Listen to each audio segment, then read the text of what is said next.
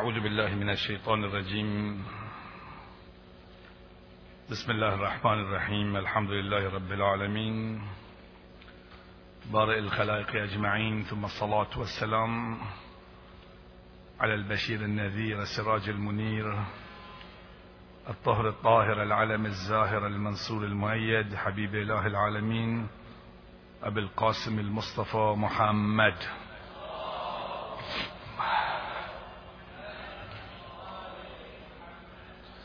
صلى الله عليه وعلى أهل بيت الطيبين الطاهرين المعصومين المكرمين الهداة المهديين واللعن الدائم على أعدائهم أعداء الدين. قال تعالى في محكم كتابه ومبرم خطابه أعوذ بالله من الشيطان الرجيم.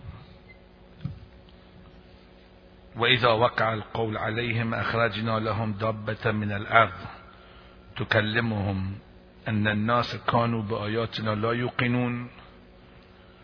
ويوم نحشر من كل أمة فوجا ممن يكذب بآياتنا فهم يوزعون.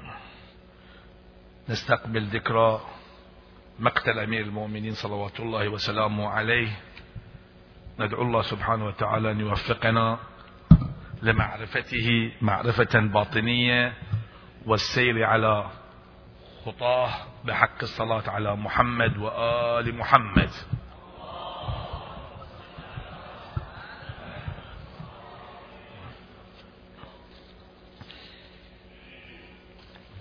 كنا نتحدث عن دور رسول الله صلى الله عليه وآله وسلم في دولة الإمام الحجة سلام الله عليه. لأنه قلنا بأن جميع الأنبياء وجميع الأولياء والصلحاء.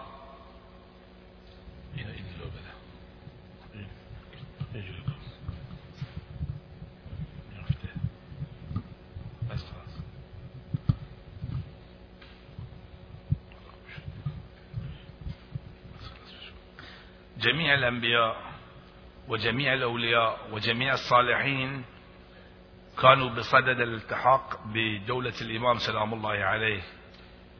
ولذلك نرى بأن القرآن يركز على هذا الموضوع في مواطن عديدة. يقول رب هب لي حكما وألحقني بالصالحين.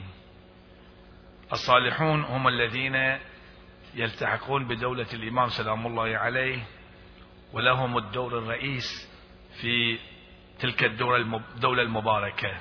حتى في قوله تعالى ومن يطع الله والرسول فأولئك مع الذين أنعم الله عليهم. أنعم الله عليهم بالتحاقهم بدولة الإمام الحجة من النبيين والصديقين والشهداء والصالحين وحسن أولئك رفيقا. الرفاقة هنا تدل على أن هناك طريق في البين. لأن يقول الطريق ثم الرفيق ثم الطريق. رفيق في الطريق. الرفيق مو قاعد في بيتك قاعد مع بعض. فهذا الطريق هو ركب الصالحين الذي يلتحق بالإمام الحجة سلام الله عليه. قلنا بأن رسول الله له دور وبينا في الليلة الماضية وقبلها دور رسول الله في الدولة المهدوية تفصيلا. وآخر نقطة بيناها أنه خاتم النبيين وخاتم النبيين هو الذي عين خاتم الأوصياء. وأهم دور لرسول الله تثبيت الولاية يعني كأنه مهد وجهز إلى يوم الغدير وأكمل الدين. يعني اكتمل الدين بولاية أمير المؤمنين كأن في مصنع الإنسان يهيئ يهيئ سنة سنتين ثلاث سنوات ثم يفتتح المصنع افتتاح الولاية افتتاح الأولى الأمرية. أولي الأمرية عن شنو؟ يعني الذين هم سيسحبون الأمر إلى الدولة المهدوية يقودون الأمر افتتاح هذا الأمر كان في يوم غدير خم فهو الذي افتتح هذه آه، الحقيقة الجديدة. قبل ما كان الأمر موجود. قبل ذلك كان الأمر موجود. أتى أمر الله. بس الأمرية بدأت من يوم غدير خم فرسول الله صلى الله عليه وآله وسلم أوجد هذا الشيء. ببركة الرسول وجدت هذه الحقيقة الجديدة التي تشير إليها قوله تعالى يا أيها الذين آمنوا أطيعوا الله وأطيعوا الرسول وأولي الأمر وأولي الأمر منكم. فمن هنا بدأت من علي. فعلي قد افتتح هذه القضية الجديدة التي تسير الناس إلى دولة الإمام سلام الله عليه. فعلى هذا الأساس نرى في الخطبة الغديرية الخطبة الغديرية يؤكد رسول الله على المهدوية. لو تأمل في الخطبة الغديرية تأكيد على المهدوية. ولذلك صار يوم الغدير يوم العيد. يوم العيد شنو عيد يعني؟ عيد أن قيل من كنت مولاه فعلي مولاه؟ قالها رسول الله مرات وكرات. لا عيد أنه مثل واحد يفتتح مصنع يفتتح مكان يفتتح أمر جديد عيد بهذه المناسبة. يعني شيء جديد صار. من هذا الباب نرى الروايات تؤكد على أنه عيد. إذن مضافة إلى ذلك هاي النقطة الأولى. النقطة الثانية علي سلام الله عليه له دور مهم جدا في دولة الإمام الحجة سلام الله عليه. سواء قبل الظهور أو بعد الظهور. أو حين الظهور. حين الظهور ظهر أمر الله. قبل الظهور حوادث آخر الزمان. مهم جدا دور أمير المؤمنين.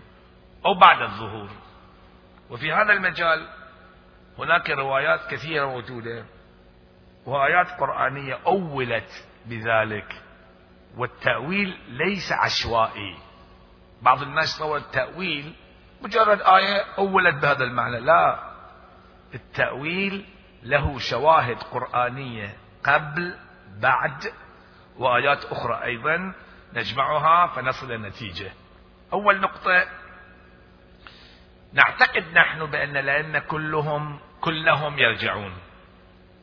عقيدتنا هذه. يعني لو واحد ما يعتقد بهذا الشيء المفروض لا يزور الأئمة. كل واحد يزور يقول في زيارته مؤمن برجعتكم. ويردكم في أيامه. شنو التعبير هذا؟ غريب أن بعض الناس هو في حرم الإبراضة سلام الله عليه وفي حرم الحسين تقول أنت تعتقد بالراجعة؟ يقول يعني. يقول ليش تزور لا تزور وبإيابكم موقن. شنو معنى هذه؟ سكن زيارات بعد. والسلام عليك يا أبا عبد الله والسلام عليكم ورحمة الله. امش بعد بإيابكم موقن بشرائع ديني. شنو معنى وخواتم عملي وجعلني ممن يأخذ بثاركم مع إمام المنصور. شنو معنى؟ غريبة يعني القصة ولذلك الرجعة أمر واضح جدا لا غبار عليه. قرآنيا حديثيا. فما تدخل في هذا الموضوع. وممن يرجع وهو الأساس في الرجعة وصاحب الرجعات والكرات هو أمير المؤمنين علي بن أبي طالب صلوات الله وسلامه عليه.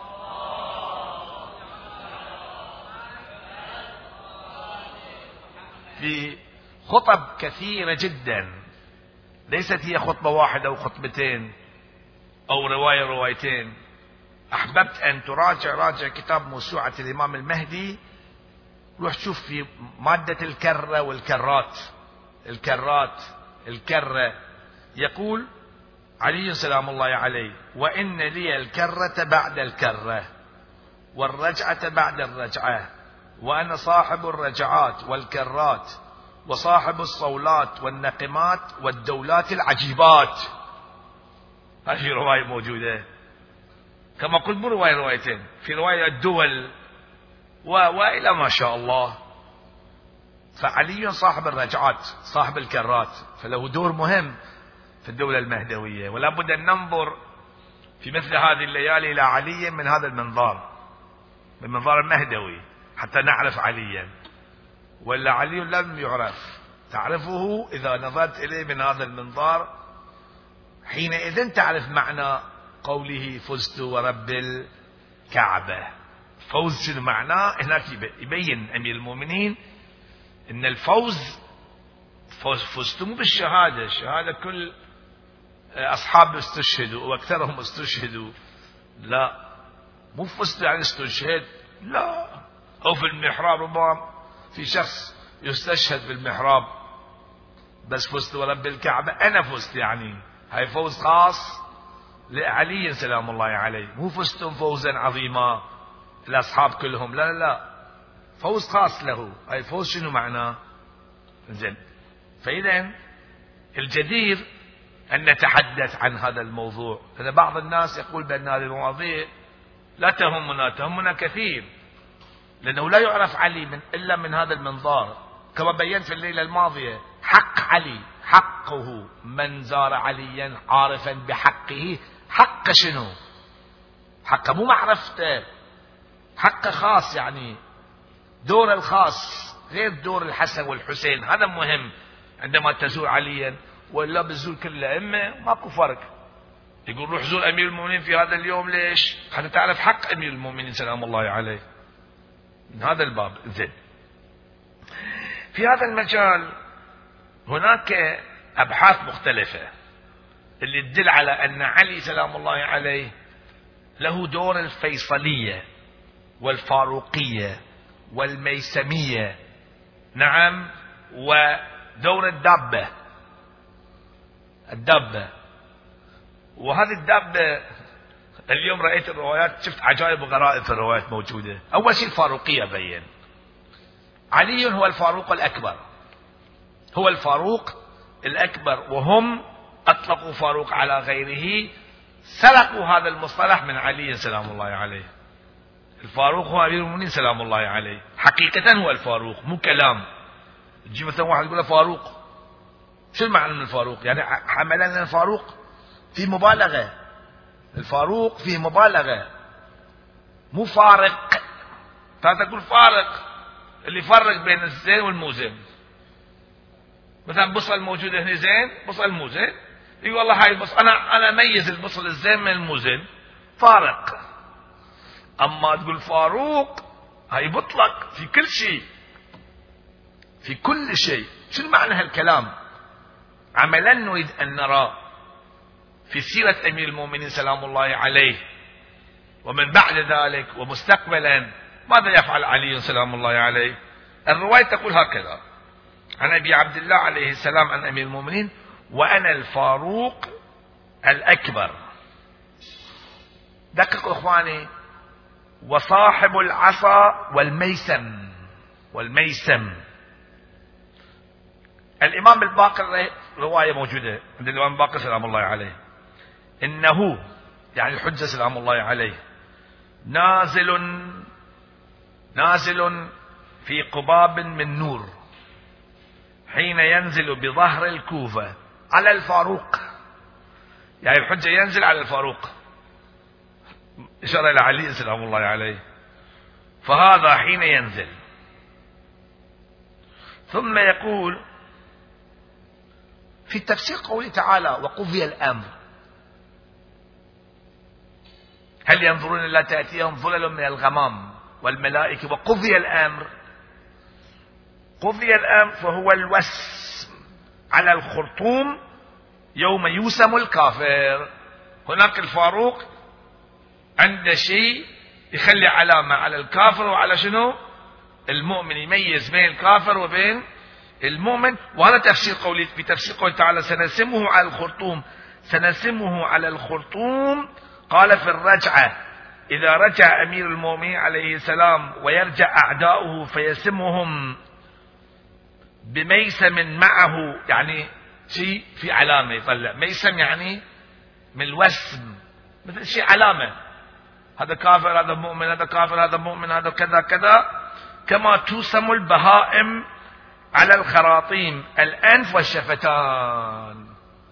يعني يكتب على على الأنف إن هذا كافر ويخلي علامة وعلى الشفتين. ثم تأتي صيحة من السماء بأن الحق مع علي وشيعته فعند ذلك قد أعلن الحجة قيامه. ولهذا قبل ظهور الإمام الحجة يأتي مولانا أمير المؤمنين علي بن أبي طالب صلوات الله وسلامه عليه.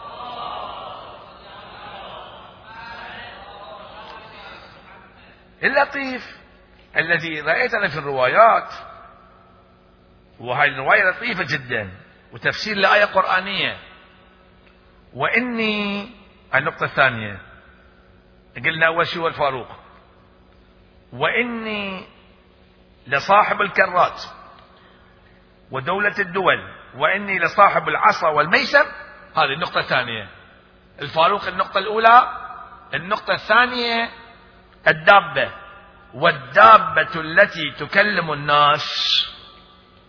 شوفوا من المؤمنين عندما يفرق بين الحق والباطل يفرق الحق والباطل في مراحل عديدة مو مرحلة واحدة.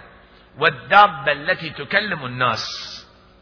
هاي الآية إشارة إلى قوله تعالى وإذا وقع القول عليهم وقع القول يعني حسمت القضية.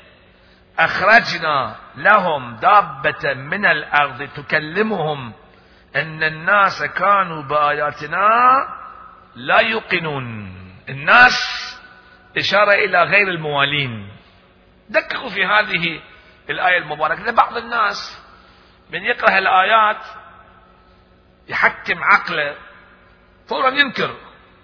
وهذه مرحلة سيئة جدا. كما قال السيد الإمام لا تنكر. هذه الحقائق. ليش تنكر؟ ليش ما تراجع الروايات؟ ليش ما تفهم؟ يعني إحنا لازم نكون في محضر القرآن. القرآن قايل شيء بتشوف. هو شنو قايل؟ مو شنو أنا أفهم. مو شنو أنا أفهم. ماذا يقول القرآن؟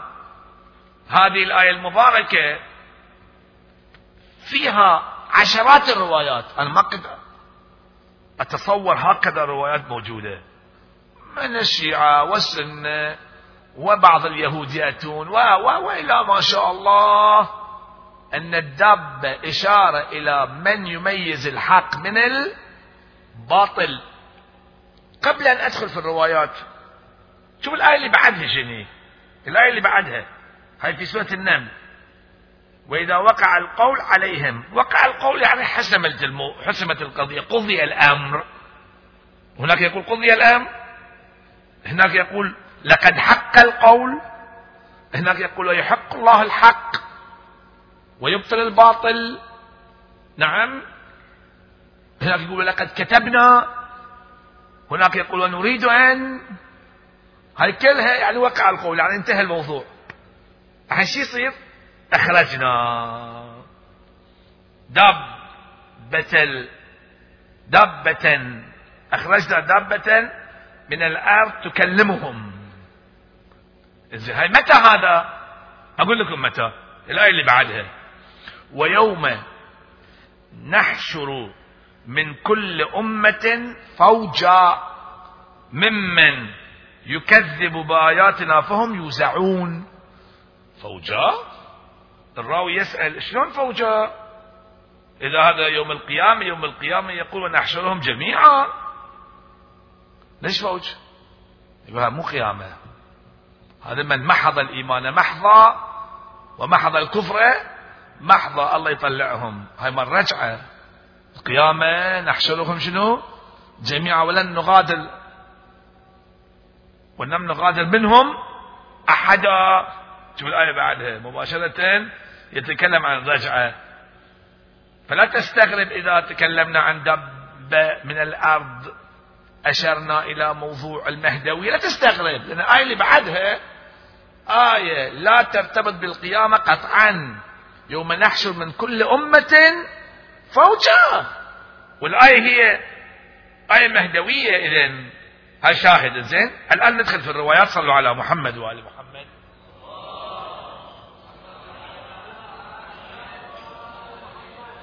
إخواني معرفة الروايات مو شغل أي إنسان.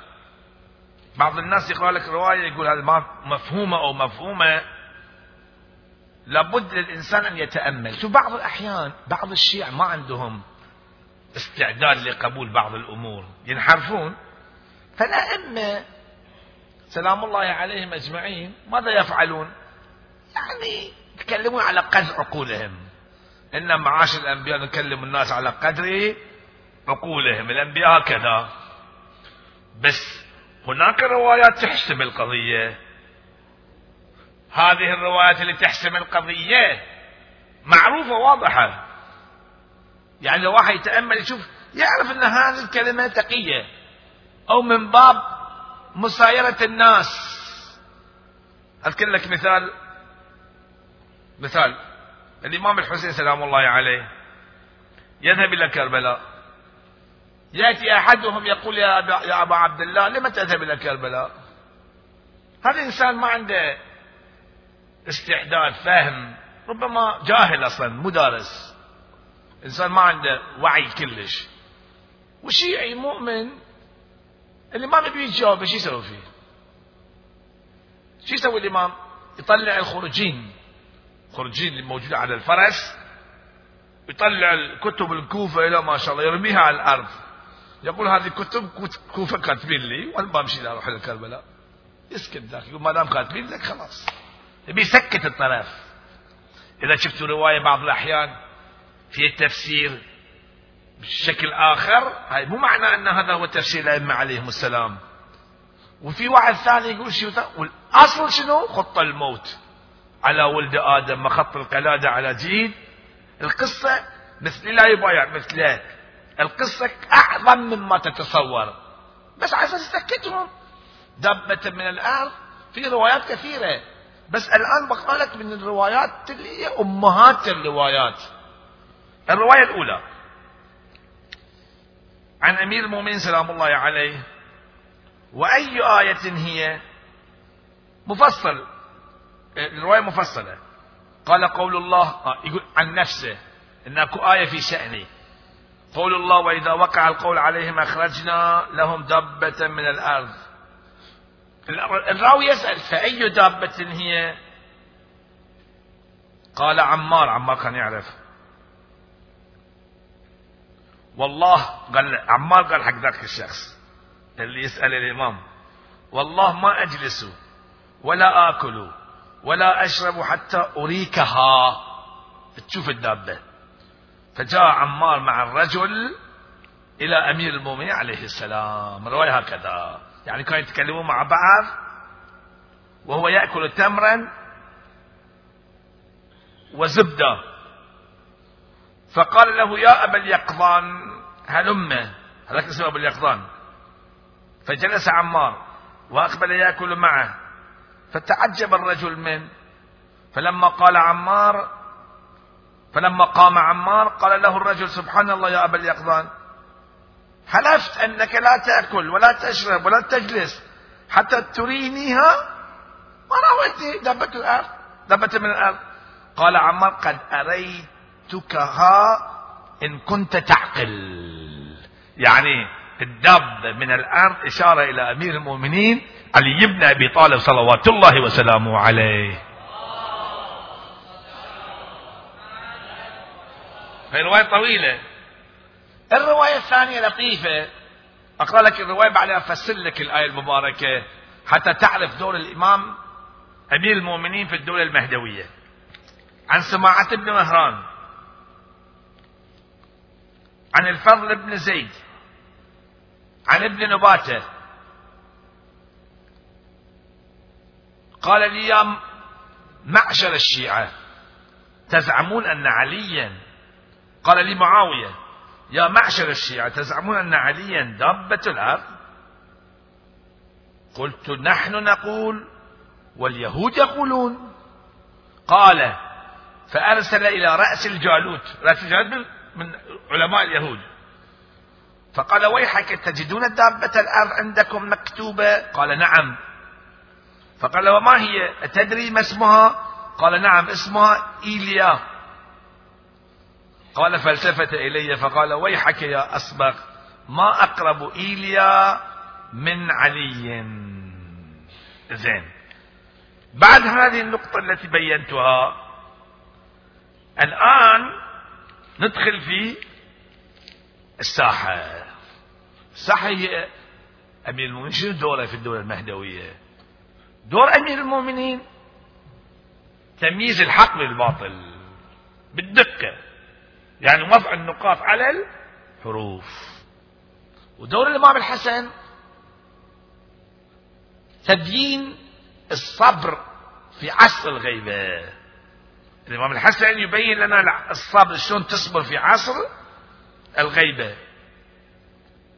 فعلي يبين الحق ويجب علينا أن التواصي بالحق.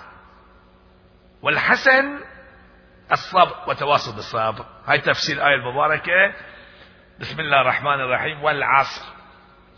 إن الإنسان لفي خسر. إلا الذين آمنوا وعملوا الصالحات. في عصر الغيبة يجب أن نعرف شخصيتين. بصورة واضحة. الشخصية الأولى. الذي يعلمنا التواصي بالحق هو علي. والثاني شنو؟ الإمام الحسن سلام الله عليه. إلا الذين آمنوا وعملوا الصالحات وتواصوا بالحق وتواصوا بالصبر. الحجة هو سلام الله عليه ولي العصر وصاحب الأمر. أنا كنت أذكر مثال؟ ولي العصر يعني الذي هو مسيطر على العصر. تفضل الحين تصور أنت العصر مثل المركبة الفضائية. تروح إلى القمر مثلا أو المريخ. في ناس قاعدين داخل هناك في المركبة. إحنا الآن في المركبة الفضائية وهي العصر في بطن العصر قاعدين. وفي واحد مسيطر على العصر ولي العصر تحت قاعد تحت ومسيطر على المركبة. يحركها يمين ويسار. بس هم تصير فيهم مشكلة الموجودين فوق. هو يصفر وجهه. اللي قاعد تحت. ما يصير في شيء بس هو يصفر وجهه. ذلاك تصير لهم مصيبة هو يتألم يقول آه! ما طاير في شيء ها. الحجة هكذا. الحجة مو في خص ما يبتلي بأي مشكلة ولكن أي مشكلة تقع علينا نحن هو شنو؟ يتأثر. فهو ولي العصر وهو صاحب الأمر. فالعصر الآن في بطن العصر إحنا موجودين. وإحنا في خص الإنسان اللي في خص هو اللي في بطن العصر. الشرط الوحيد تقول له يا جماعة اللي أنتم فوق في المركبة إلا الذين آمنوا وعملوا الصالحات وتواصوا بالحق وتواصوا بالصبر.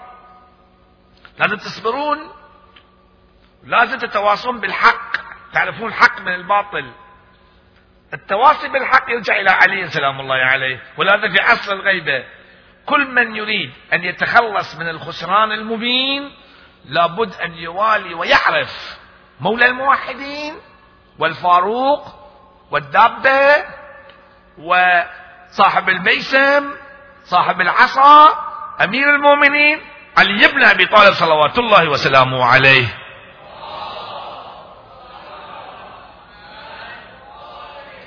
ويعرف بأنه الحق. الحق معكم وفيكم ومنكم وإليكم. زين. إذا عرف هذا الشيء يتمكن من أن يعيش مع علي سلام الله عليه. مثل ما تمكن عمار وأبو ذر من العيش مع علي سلام الله عليه. أما طلحة ما قدر. ما كان يعرف الحق من الباطل زبير ما قدر. ما كان يميز الحق من الباطل ولكن غيره اللي ميز مثل عمار عرف وين الحق وين الباطل. وبعد طبعا المشكلة أكبر صارت في زماننا الآن. الذي ما يميز الحق من الباطل مشكلته مشكلة كبيرة مثل ما ترون الآن. الفتنة التي وقعت بعض الناس انحرف. هاي تجربة هاي تمرين لتبعية الحجة سلام الله عليه. المهم تواصوا بالحق. الحق التصور واضح مو واضح الحق. الحق مو واضح مو بهالسهولة. أم المؤمنين تواجه أمير المؤمنين. شو تعرف الحق والباطل؟ صعب جدا. في عصر الغيبة التواصل بالحق يعني الحق العلوي والصبر الحسني مو الصبر العلوي. الصبر العلوي انتهى خلاص. 25 سنة صبرت وفي العين كذا. إحنا ما نبي نصبر هالطريقة. هاي الصبر انتهى. مثل صبر يعقوب الأول مو الثاني. الأول فصبر جميل والله المستعان على ما تصفون انتهى. لأن إذا كان يتحرك أول ما يتحرك يقول ابني أنا أعرف ابني وين؟ في الجب راحوا قتلوه. جابوا أذونة شوف هذا هاي الأذونة حصلنا. قتلوه. ولهذا يعقوب ما تحرك سكت. وفي العين كذا وفي حلقه شجرة ابن 25 سنة سكت. حتى يحافظ على شنو؟ على أعظم من الإبن أعظم من كل شيء هو الدين الإسلام. مثل ما فعل يوسف وكل كان ما كان في بني إسرائيل يكون في هذه الأمة. زين. ثم بعد ذلك وقعت أمور كثيرة. البضاعة ردت. بنيامين أخذ رهينة. أخوهم الثالث بقي هناك. يقول لهم أئتوني بأخ لكم من أبيكم القصة غير صارت تغيرت الأوضاع. قال فصبر جميل. عسى الله أن يأتيني بهم جميعا. هاي الصبر الحسني. هذا الصبر هو صبر شنو؟ الحسني. فهنا ندخل أيضا في الإمام الحسن ودوره في دولة الحجة.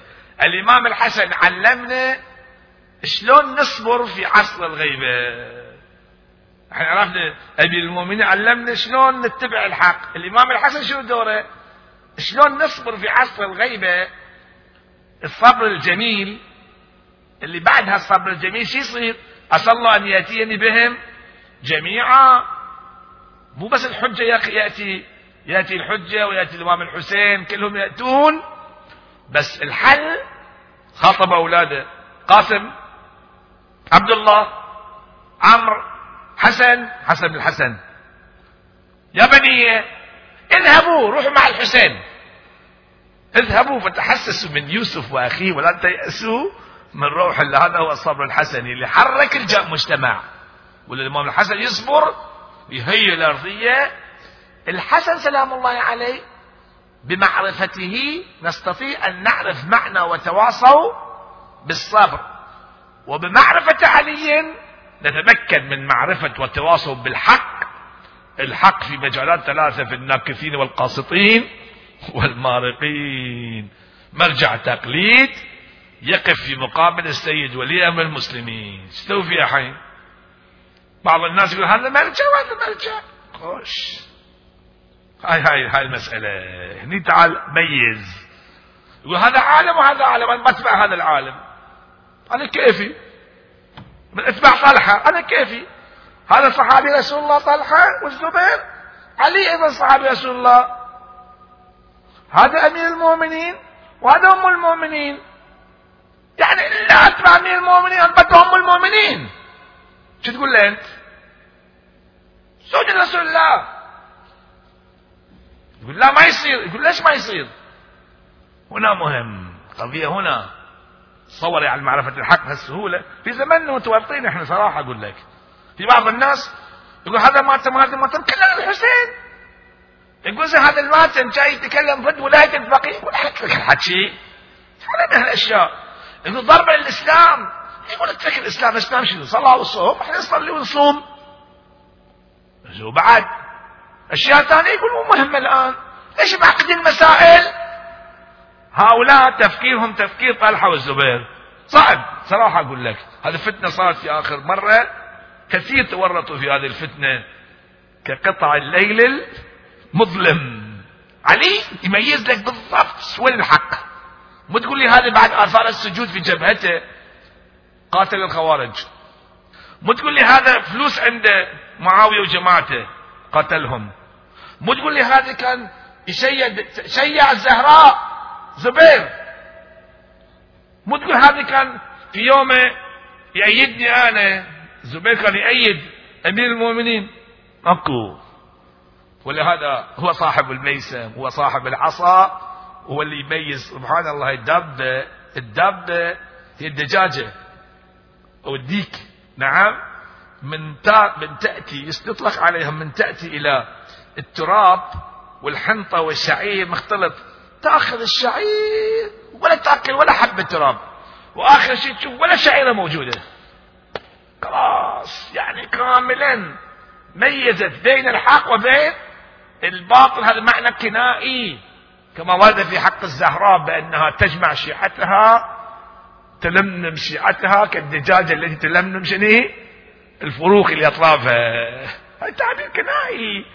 فالآية تشير إلى أمير المؤمنين صلوات الله وسلامه عليه. ندعو الله أن يوفقنا للاقتداء به. أرسل القاسم بن الحسن سلام الله عليه إلى الميدان. نعم ليبين بأن هذا الصبر يتطلب هذا الجهاد. إن تنكروني فأنا نجل الحسن.